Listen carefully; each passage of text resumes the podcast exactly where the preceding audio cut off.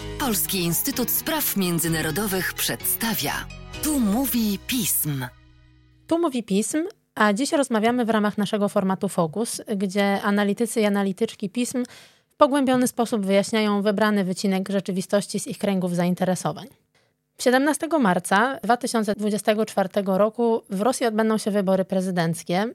I choć no, można powiedzieć, że wybory w Rosji od lat to już w zasadzie taki bardziej spektakl, gdzie każdy wie, jaką finalnie ma odegrać rolę, to jest to też taki ważny punkt odniesienia dla niektórych ugrupowań, które starają się aspirować do jakiegokolwiek wpływu na rosyjską rzeczywistość polityczną i starają się też wykorzystać właśnie fakt wyborów do tego, żeby zbudować swoją jakąś tożsamość czy, czy ideę wokół swojego istnienia. Dziś właśnie o tych ugrupowaniach będę rozmawiać z Agnieszką Legucką, naszą ekspertką do spraw rosyjskich. Cześć Aga. Cześć Saro, dzień dobry Państwu. Ago, ostatnio właśnie napisałaś tekst o rosyjskiej opozycji na emigracji i o tym, jak ustosunkowuje się do przyszłych wyborów. Zanim przejdziemy do tej opozycji emigracyjnej, czy możesz w ogóle jakoś zarysować kondycję rosyjskiej opozycji, szczególnie w ostatnich latach? W ostatnich latach przestrzeń działania rosyjskiej opozycji pozysystemowej, czyli takiej, która nie jest delegowaną ze strony władz ani niekontrolowaną, coraz bardziej się zmniejszała. Można tak powiedzieć, że od protestów na Pałacu Bołotnym od 2012 roku, 2011-2012, to ta przestrzeń zarówno medialna, jak i polityczna, jak i wpływ polityczny opozycji zmniejszał się i zmniejszał się. W momencie, kiedy Władimir Putin ogłosił wojnę, tak zwaną wielką wojnę z Ukrainą, to ta opozycja musiała się albo przenieść poza granice Rosji, bo system się coraz bardziej zacieśniał w kierunku nawet, byśmy powiedzieli, totalitarnego systemu, a ci, którzy się zbuntowali, którzy nie chcieli wyjechać z Rosji, no to jako taki przykład dla innych, żeby Rosjanie się raczej obawiali wchodzenia do polityki, to a na przykład Aleksiej Nawalny odsiaduje wyrok 19 lat kolonii karnej, Władimir Karamurza 25 dostał lat, w związku z czym mamy taki trochę powrót do, nie wiem, może jeszcze nie okresu stalinowskiego, ale czasów sowieckich, gdzie jakakolwiek opozycja, myślenie niezależne jest rugowane z życia polityczno-społecznego. A wcześniejsza opozycja była trochę skostniała.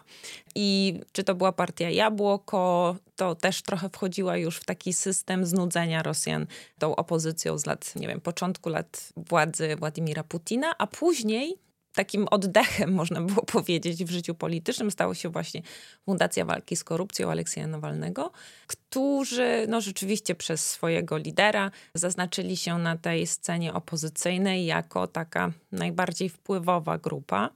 I też taka, która uważa, że ma moralne prawo do tego, żeby jeżeli Putin przestanie być prezydentem i zajdą jakieś zmiany reżimu politycznego, to będą wchodzić na piedestał, żeby móc odgrywać większą rolę polityczną. No i właśnie tutaj dochodzimy powoli do tego, że w związku z tym rosło znaczenie tej opozycji tworzonej czy współtworzonej przez osoby, które z Rosji wyjechały właśnie na fali różnych zaostrzania się restrykcji i wzrostu brutalności władz wobec jakiegokolwiek sprzeciwu. Czy możesz zmapować tą opozycję emigracyjną też właśnie dosłownie, to znaczy geograficznie właściwie, gdzie ci ludzie się znajdują i kim są? Tak, no w większości oni wyjechali albo na Kaukaz Południowy, albo do Europy. I można ich podzielić, przynajmniej ja tak systemowo sobie podzieliłam ich na cztery grupy, przynajmniej cztery grupy. Tak zwaną, nie wiem, starą opozycję, która jeszcze wyjechała przed aneksją Krymu, czyli Michała Chodorkowskiego i Garego Kasparowa, którzy są rozpoznawalnymi postaciami w Rosji, ale też poza granicami. Właśnie na zachodzie często udzielają wywiadów na temat tego, w jaki sposób postępować z Rosją albo jak będzie wyglądała przyszła Rosja. Drugą grupą są oczywiście tak zwani nawalni czyli team Nawalnego, który wyjechał z Rosji, po tej fali właśnie represji, to co też spotkało Aleksieja Nawalnego, żeby móc jeszcze jakoś oddziaływać na Rosjan w Rosji, a także Rosjan poza granicami. I jest, jest kilku takich polityków, byśmy powiedzieli, elektronów, którzy krążą samodzielnie. Na przykład Maksim Katz, który żyje w Izraelu, czy Ilya Ponamariow, który żyje w Kijowie. Jeszcze kilku innych można by było wymienić. Oni mają jakby swoją agendę, swoje pomysły i często też narzucają w dyskusji o tym, co się dzieje w Rosji, w jaki sposób postępować z Putinem. I czwartą grupę wydaje mi się, że warto wyróżnić, dlatego że są to osoby, które nie mają przywództwa politycznego jeszcze. To są aktywiści, dziennikarze, społecznicy, ekolodzy, nie wiem, feminiści i tak dalej. I oni zbierają się w różnych zjazdach, na różnych konferencjach i wtedy opowiadają o tym, jak sobie wyobrażają przyszłość. Ale mają bardzo małe zaufanie do polityków, nie tylko do Władimira Putina, ale w ogóle do polityków, więc ich podejmowanie decyzji jest dosyć długotrwałe. Ja brałam udział w jednym takim zjeździe i dobrze było obserwować, że są różne nurty myślenia wśród tych rosyjskich aktywistów. Oni bardzo naciskają na to, żeby sankcje były silniejsze na elitę, a słabsze na jednak Rosjan jako takich. I ja jeszcze nie wyróżniłam, nie znalazłam tam osoby, która by była takim wyraźnym liderem mhm. politycznym. Mhm. Piszesz też, że w zasadzie można powiedzieć, że tę część opozycji jednoczy stosunek, czy sprzeciw wobec wojny na Ukrainie, czy wobec inwazji Rosji na Ukrainę, ale no jednak jest bardzo dużo osi sporów tak naprawdę między tymi poszczególnymi grupami. Czy możesz powiedzieć, jakie są to przede wszystkim konflikty? Ja bym powiedziała nawet, że więcej jest sporów, animozji takich personalnych, rywalizacji nawet politycznej, niż tego, co łączy. Bo to, co łączy, to zdecydowanie taka postawa antyputinowska albo aspiracje do tego, żeby zamienić Putina. Druga rzecz, ale to ona też ewoluowała, chociażby jeżeli chodzi o samego Aleksieja Nawalnego, który właściwie dopiero rok po wielkiej inwazji jasno, zdecydowanie zadeklarował, że Ukraina powinna odzyskać integralność terytorialną i odzyskać oczywiście Krym, dlatego że zarzuca się Aleksiejowi Nawalnemu to, że on kilkakrotnie, będąc jeszcze na wolności wcześniej, kilka lat wcześniej, mówił, że tak naprawdę Krym to jest kwestia taka sporna, niejasno się wyrażał, a że to było złamanie prawa międzynarodowego. Bo jak kiedyś żeśmy chyba rozmawiali nawet w podcaście pism, Aleksiej Nawalny jest takim zwierzęciem politycznym, czyli wyczuwa nastroje społeczne w Rosji, a teraz z racji tego, że cała ekipa znajduje się poza granicami Rosji, to również musiał się dostosować do tej narracji. Więc jak na razie większość, wszyscy mm, ci, o których rozmawiamy, czyli ci opozycjoniści za granicą, którzy żyją właśnie w też państwach zachodnich, mówią, że Ukraina musi wygrać. Mhm. A jaki jest ich stosunek do wyborów? Czy namawiają członków opozycji, żeby się angażowali, żeby głosowali, żeby startowali, jeżeli jakkolwiek będą w stanie? Czy właśnie raczej starają się mówić o bojkotowaniu wyborów, bo każdy głos, nawet ten oddany przeciwko Putinowi, jednak będzie legitymizował jego władzę?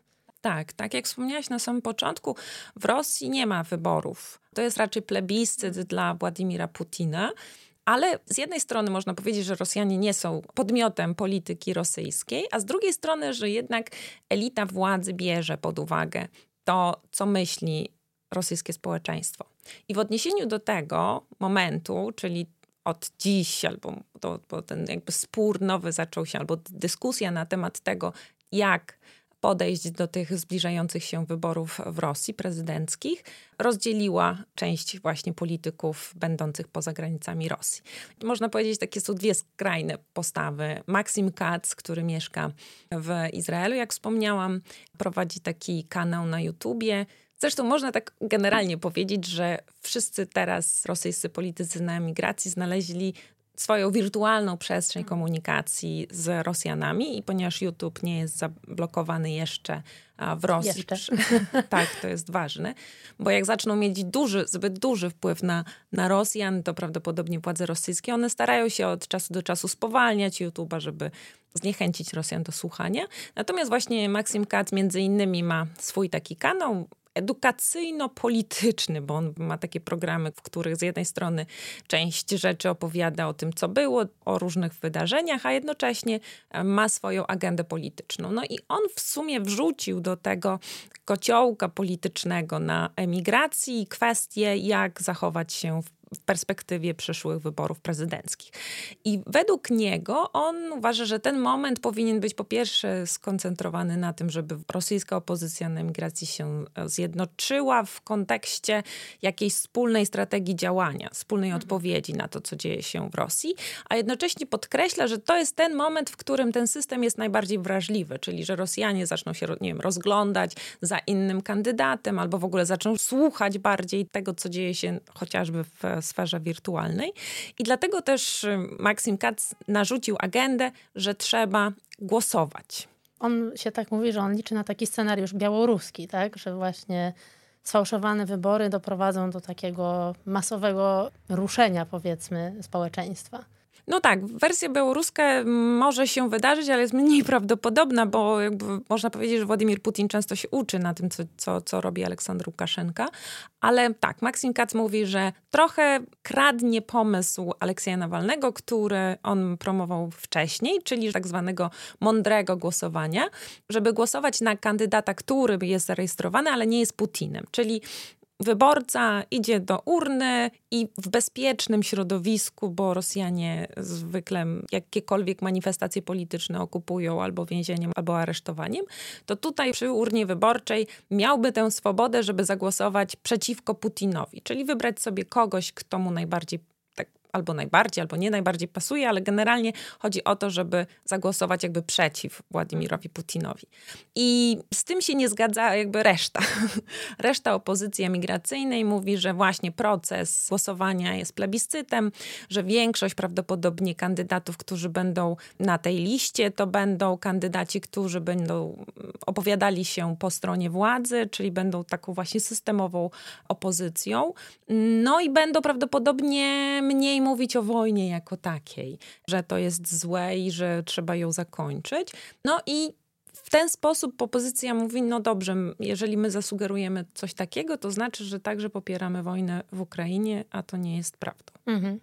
Też w ogóle mam wrażenie, że bardzo różne są te strategie takiego generalnego jakiegoś, no powiedzmy tak brzydko z angielskiego, endgame Putina, to znaczy mamy takie skrajne przypadki jak Ilia Ponomariow, który nawołuje wręcz do takiej zbrojnej, czy powiedzmy jakiejś przemocy, bo uważa, że w żaden sposób demokratyczny czy pokojowy nie jest w stanie sprawić, że Putin odda władzę kiedykolwiek.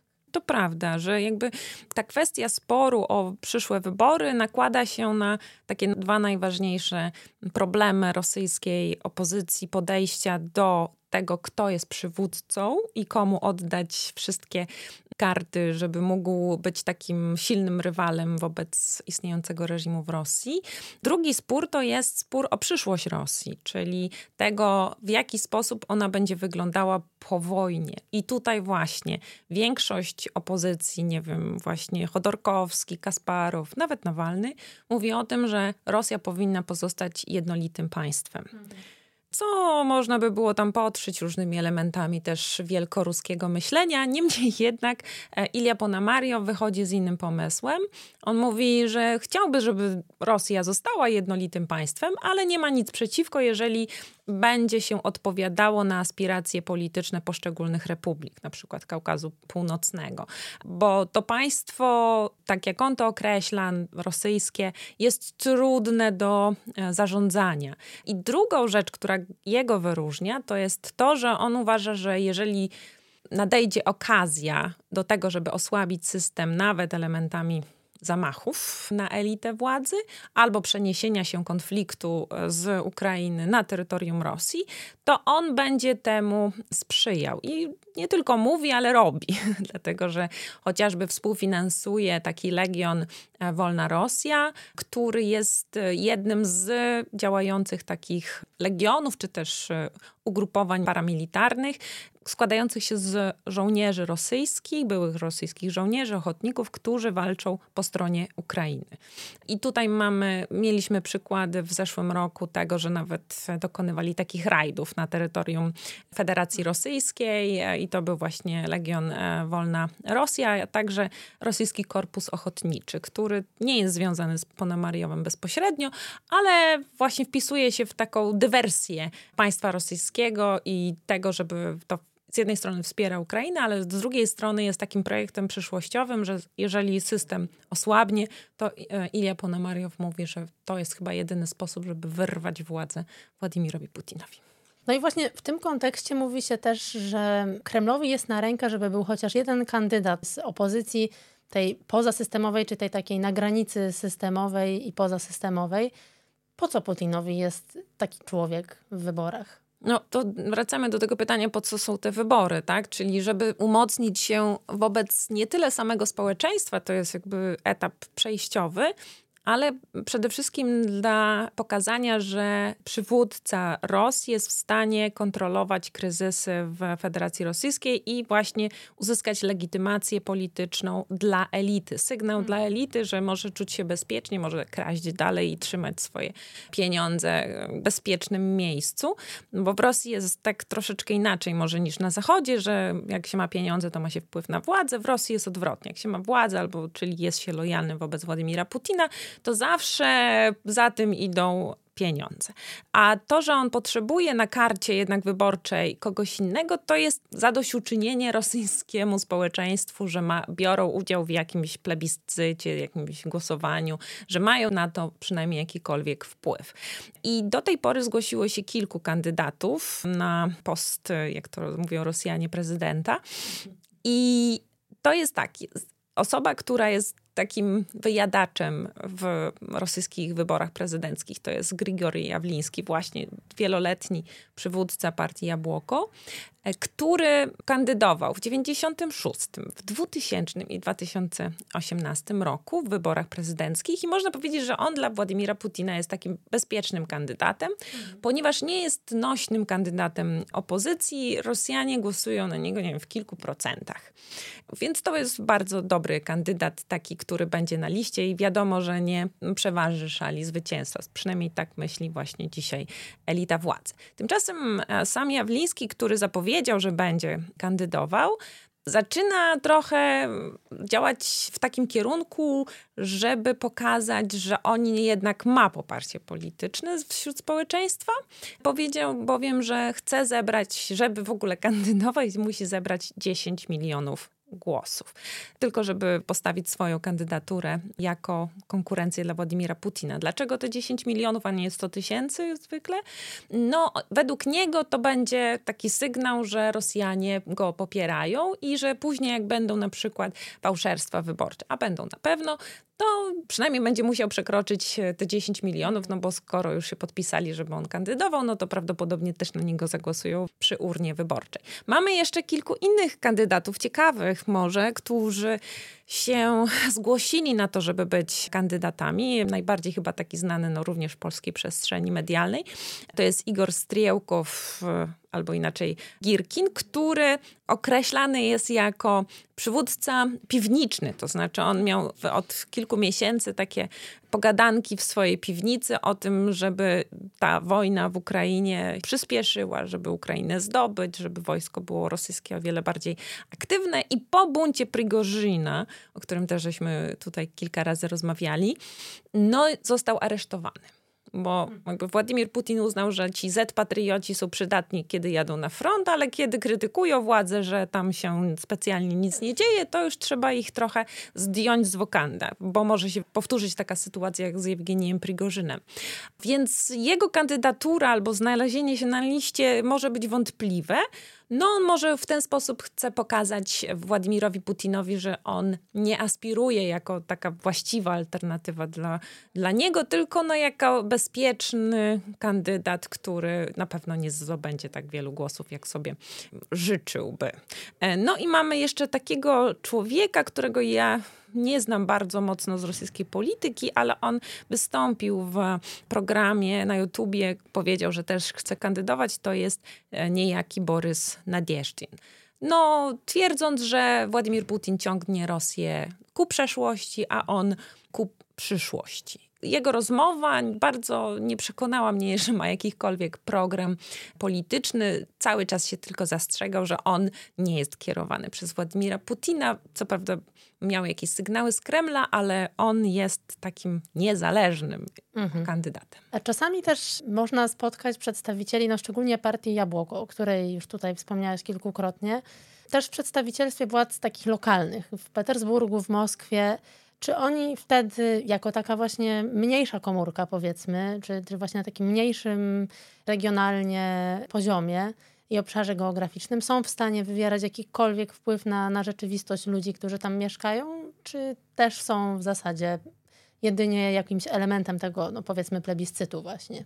Można powiedzieć tak, że na te kampanie mądrego głosowania Nawalnego i ci kandydaci, którzy byli na listach, którzy nie byli związani z jedyną Rosją, czyli z partią Władimira Putina, to znaczy, on jakby nie jest liderem tej partii, ale wszyscy wiemy, że to jest partia, która bardzo mocno sprzyja władzy rosyjskiej. I w tych, nie wiem, w Nowosybirsku czy we Władywostoku byli kandydaci, którzy bardzo byli lubiani przez społeczność lokalną. I oni oddziałują na takim poziomie takim lokalnym, ale nie powyżej możliwości e, mówienia politycznego, nie na przykład dla wojny czy dla polityki władz centralnych. Oni są, oni próbują jakoś się rozpychać, ale tak jak wspomnieliśmy już wcześniej, ten margines rozpychania jest coraz mniejszy i były przypadki, że również deputowanych różnych parlamentów rosyjskich byli po prostu więzieni i aresztowani, skazywani na kilka lat za tak zwane fejki o armii rosyjskiej. Mhm. A wracając jeszcze do tej opozycji emigracyjnej, Czasami można natrafić na różne wypowiedzi a propos właśnie działań Zachodu. Już nie w kontekście wojny na Ukrainie, ale w kontekście przeszłości, czy w ogóle kształtowania się stosunków międzynarodowych na świecie w ogóle. No i nieraz jednak wybrzmiewają też właśnie takie głosy krytyki, że ta globalizacja, która się wydarzyła, ona jednak faworyzuje Zachód, że faworyzuje te idee neoliberalne, gdzie no, ten kapitał czy, czy majątki nie są rozdysponowywane jakoś sprawiedliwie i że jednak no, wielu ludzi cierpi przez centralizację, czy jakby uznanie takiego systemu za właśnie ten właściwy, który w jakiś sposób, nie wiem, dominuje na, na świecie. Czy to jest jakaś taka próba sprawienia, że no okej, okay, z jednej strony mamy jakąś legitymację zagraniczną przychodzącą z Zachodu, ale jednocześnie to nie jest tak, że bezkrytycznie przyjmujemy te wszystkie idee, no bo Rosjanie, to jest moja hipoteza, pytanie bardziej do ciebie, bo Rosjanie tak czy owak, nawet jeżeli nie lubią Putina, to też nie będą wcale tak otwarci na to, jak wygląda Zachód i jak wygląda jego pozycja na świecie. To prawda. Myślę, że wśród tej opozycji na emigracji funkcjonuje taki, nie wiem, albo imposybilizm, albo pomieszany z roszczeniową postawą. Imposybilizm czasami mam wrażenie, to tak jakby zupełnie moje odczucia po rozmowach z przedstawicielami tej opozycji, wynika z tego, że Rosję bardzo trudno zmienić, że ten Władimir Putin skostniał na Kremlu i nie można tego systemu bardzo mocno ruszyć, poruszyć i rozsadzić od środka.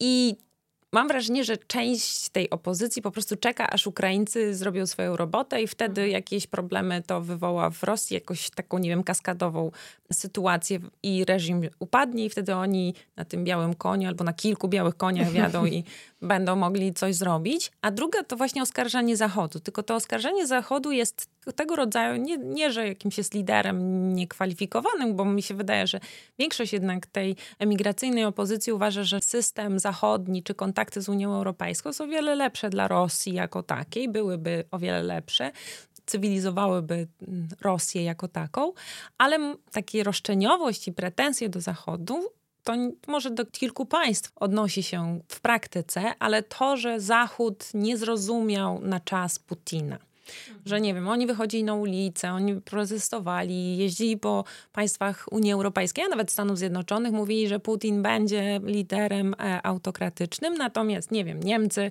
e, budowali Nord Stream 1, Nord Stream 2, wychodząc z założenia, że można zmodernizować Rosję. I oni mają taką największą pretensję do państw europejskich. To nie dotyczy Polski oczywiście, ale że właśnie finansowali reżim, który w zasadzie wywołuje później wojny.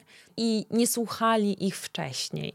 No i można tutaj pokazać przykłady, nie wiem, Baracka Obamy, który w swoim programie zawsze miał, jeżeli chodzi o niego albo jego administrację, takie punkty, żeby się kontaktować z Władimirem Putinem i jego otoczeniem, a później miał taki dzień, kiedy spotykał się również z rosyjską opozycją. Z punktu widzenia, nie wiem, państwa zachodniego to było ok, no bo jakby są otwarci na dialog, widzą też społeczeństwo obywatelskie, tutaj też cudzysłów trzeba dać w Rosji, więc wszystko było niby dobrze. Natomiast punktu widzenia przedstawicieli tej opozycji emigracyjnej, to była ścieżka, która prowadziła donikąd. Ja pamiętam jedno, jedną wypowiedź takiego aktywisty, który wyemigrował do Polski, który powiedział, że właśnie przyjechał do Polski, ponieważ my mamy podobne wyobrażenia o Władimirze Putinie już od lat. Natomiast jemu byłoby ciężko żyć w innym państwie europejskim, gdzie może ten wizerunek Putina się zmienił po inwazji w Ukrainie, natomiast rzeczywiście wcześniejsze błędy, taki nie wiem, miraż, który Władimir Putin rozpościerał wokół siebie, że jest szansa na jakiekolwiek dogadanie się business as usual z Rosją, że to jest wielki rynek i tak dalej, mhm. że to jest po prostu droga donikąd. Ale w tym takiej roszczeniowej postawie też mam takie poczucie też imposybilizmu. Czyli, że albo właśnie Ukraina ma załatwić sprawę, albo Zachód ma naciskać na elitę władzy, żeby ona się jakoś podzieliła wewnętrznie w Rosji, żeby coś zrobił Zachód, ponieważ miał takie winy na, na swoich plecach. I mniej mi tutaj wyrasta jakaś strategia postępowania samych Rosjan, czy też właśnie opozycji emigracyjnej, no bo też widzę taką frustrację, że wśród tych Rosjan, którzy by jednak chcieli mieć wpływ na to, co dzieje się w Rosji, a okazuje się, że zderzają się często z takim rosyjskim społeczeństwem betonem, takiego pasywizmu, czyli. Rosjan, którzy zostali w kraju, którzy koniunkturalnie albo z innych powodów siedzą cicho. To jest jakby w większości masa, która wybiera tak zwane indywidualne strategie przetrwania, a nie kolektywne działanie, nie przeciwstawianie się władzy, nie działanie przeciwko Putinowi. Natomiast też Rosjanie zwyczajnie krytykują zachodnie sankcje i nie widzą, nie łączą kropek, że te zachodnie sankcje są z powodu tego, że Władimir Putin wywołał wojnę, a przecież Rosja jako państwo agresor powinna również odczuwać takie obciążenia wynikające z sankcji. Rosjanie tego w ogóle nie widzą, idą w propagandę rosyjską, mianowicie taką, że to właśnie Zachód się uwziął na Rosji, że Zachód chce zniszczyć Rosję, znieść ją z powierzchni Ziemi w takim kontekście rozwojowym, bo obawia się tej Rosji kontynentalnej. A czy są jakieś takie pęknięcia w tej powierzchni? Mamy jakieś, nie wiem, ruchy studenckie, albo na przykład, no jednak widzimy, że te mniejszości etniczne są no, nieproporcjonalnie bardziej obciążone, na przykład podczas mobilizacji do armii rosyjskiej. Więc czy tam się pojawiają jakieś takie ruchy, które mają jakikolwiek potencjał, żeby coś, coś zmienić. Czy pod tą zastygniętą lawą coś tam... Dokładnie, coś bulgocze. Coś bulgocze. Na pewno studenci wypowiadają się przeciw, robili różnego rodzaju akcje protestacyjne, z jednej strony po lutym zeszłego roku, a jednocześnie po wrześniu, czyli po ogłoszeniu częściowej mobilizacji. No i to jest najczęściej, można by było powiedzieć, element tylko takiego obrazu polepszający takie wyrzuty sumienia rosyjskiego społeczeństwa. Bo nie można powiedzieć, że tych wystąpień nie było i młodzi e, buntują się wobec tego, co mają. Więc najczęściej ci, którym się to nie podoba, to wyjeżdżają z kraju. Nie mają perspektyw wielu. Reżim rzeczywiście ma struktury siłowe, wewnętrzne, takie, które są w stanie wyłapywać takiego rodzaju protesty, demonstracje, albo nawet indywidualne protesty. No, zasądzając, nie wiem, dziewczynie, która zmieniała w sklepie naklejki, znaczy zamieniała cenę na naklejki, które by wzywały do przerwania, jest teraz oskarżona o to, że może dostać 7 lat więzienia. Mm. I protestują nawet lekarze, bo ona jest bardzo chora i mm, podpisał taki specjalny list, e, czte, ponad 400 lekarzy, żeby ją uwolnić. I władze to kontrolują. System jakby e, prawny jest podporządkowany prokuraturze, organom śledczym i Rosja staje się takim państwem z jednej strony monolitem, ale tutaj można by było powiedzieć, że albo zgodzić się nawet z Ponemariowem, że taki system często generuje różnego rodzaju rewolucyjne sytuacje. Więc my nie wiemy do końca, co Rosjanie myślą, bo nie ma właściwie badań na ten temat, Czy potrafią się zbuntować? Na razie tego nie widać ani w regionach, jeżeli mówisz o mniejszościach etnicznych czy nawet religijnych. Trochę odmienną sytuację jest Kaukaz Północny, ale on zawsze był inny. Jak to Rosjanie określają, to jest taka wewnętrzna zagranica. I z tego powodu można coś takiego, bo to też na Zachodzie jest taka, takie postrzeganie, że Rosja podzieli roz Związku Radzieckiego. I te, to jest obawa z jednej strony, co się wydarzy w Rosji. Ja nie widzę takich działalności separatystycznych, nawet na fali wojny. Pewnym nowym zjawiskiem są niewielkie, bo niewielkie, ale protesty kobiet, które nie tyle chcą zakończyć wojnę, co wprowadzić rotację żołnierzy, którzy są tam zmobilizowani i nie mają żadnego okresu zakończenia swojej służby wojskowej. Jest tylko hasło, że wrócą do domu, kiedy wojna się skończy. Hmm. Na koniec nie będę Cię pytać o wyniki wyborów, jakie przewidujesz, bo wszyscy się chyba możemy spodziewać, ale czy myślisz, że jest jeszcze jakaś szansa, że do marca ta emigracyjna opozycja jednak znajdzie jakiś taki swój wspólny grunt, na którym będzie budować jakieś swoje przesłanie? Katerina Schulman ostatnio powiedziała, że w przeciwieństwie do państw demokratycznych, gdzie zasadniczo nie znamy rezultatu wyborów, ale skutki zmiany elity znamy, która rządzi, prawda? No bo zajmuje różne ważne pozycje w ministerstwach, to w Rosji jest odwrotnie. To znaczy, my znamy rezultaty, bo one będą narysowane, ale nie znamy skutków, czyli to jest bardzo wrażliwy rzeczywiście moment dla systemu politycznego, bo tak jak było, nie wiem, na Białorusi, wymknęło się spod kontroli, ale my nadal nie wiemy, w którym kierunku albo z której strony może coś uderzyć. Mhm. To jest właśnie taki moment rzeczywiście słabości tego reżimu politycznego, putinizmu. Myślę, że opozycja będzie próbowała pokazać, że jednak dogadują się, że się spotykają, że ustalają pewną strategię działania, bo to, w jaki sposób Maksim Katz narzuca tę debatę, że trzeba coś zrobić, no w, w jakiś sposób wymusza to i mm, zwiększa potrzebę też Rosjan, żeby opozycja nie tyle się zjednoczyła, bo w to nie uwierzę, oni mają za dużo wewnętrznych problemów i animozji z przeszłości, ale z pewnością, nie wiem, stworzył swego rodzaju, nie wiem, plan działania. Ale i trzeba tutaj pokazać to, co, o czym rozmawialiśmy wcześniej, że na przykład wszyscy dookoła sobie stworzą plan działania, że będą, nie wiem, wspierać się w mediach społecznościowych, będą się wzajemnie spotykać na debatach na ten temat, na temat przyszłości Rosji i tak dalej. Natomiast e, taką komórką oddzielną zawsze są nawalniści. Aleksiej Nawalny bądź jego ekipa stanowi tak jakby o sobie i mówi, dobrze, wy sobie tam rozmawiajcie, dogadujcie się, róbcie strategię, ale tak wiadomo, że to my powinniśmy być przywódcami na tej mapie. Więc jeżeli uda się im również podjąć jakąś dyskusję i dialog, no to będzie pewien przełom, który będzie dotyczył również tego obrazu o opozycji na migracji. Dziękuję Ci ogromnie, Agnieszko, za, za przybliżenie meandrów sporów e, między rosyjską opozycją. Państwa zachęcam do zajrzenia na naszą stronę i zapoznania się z najnowszym tekstem Agnieszki o opozycji na emigracji i jej stosunku do przyszłych wyborów. Dzięki, Aga. Dzięki bardzo. Z pewnością jeszcze będziemy rozmawiać o wyborach, które nie są wyborami, a zbliżają się wielkimi krokami. To tyle w dzisiejszym fokusie. Jak zawsze gorąco zachęcam do subskrypcji podcastu Tu Mówi Pism, który znajdziecie Państwo na wszystkich platformach podcastowych i YouTubie. Na naszej stronie pism.pl znajdą Państwo ponadto nie tylko teksty o Rosji, ale o ważnych sprawach we wszystkich zakątkach świata. Żeby być z nimi na bieżąco, zapraszam też do śledzenia profilu pism na Facebooku, Twitterze i YouTubie. Dziękuję za wysłuchanie tego podcastu, a Natalii Radulskiej za jego wyprodukowanie. Tu mówił pism.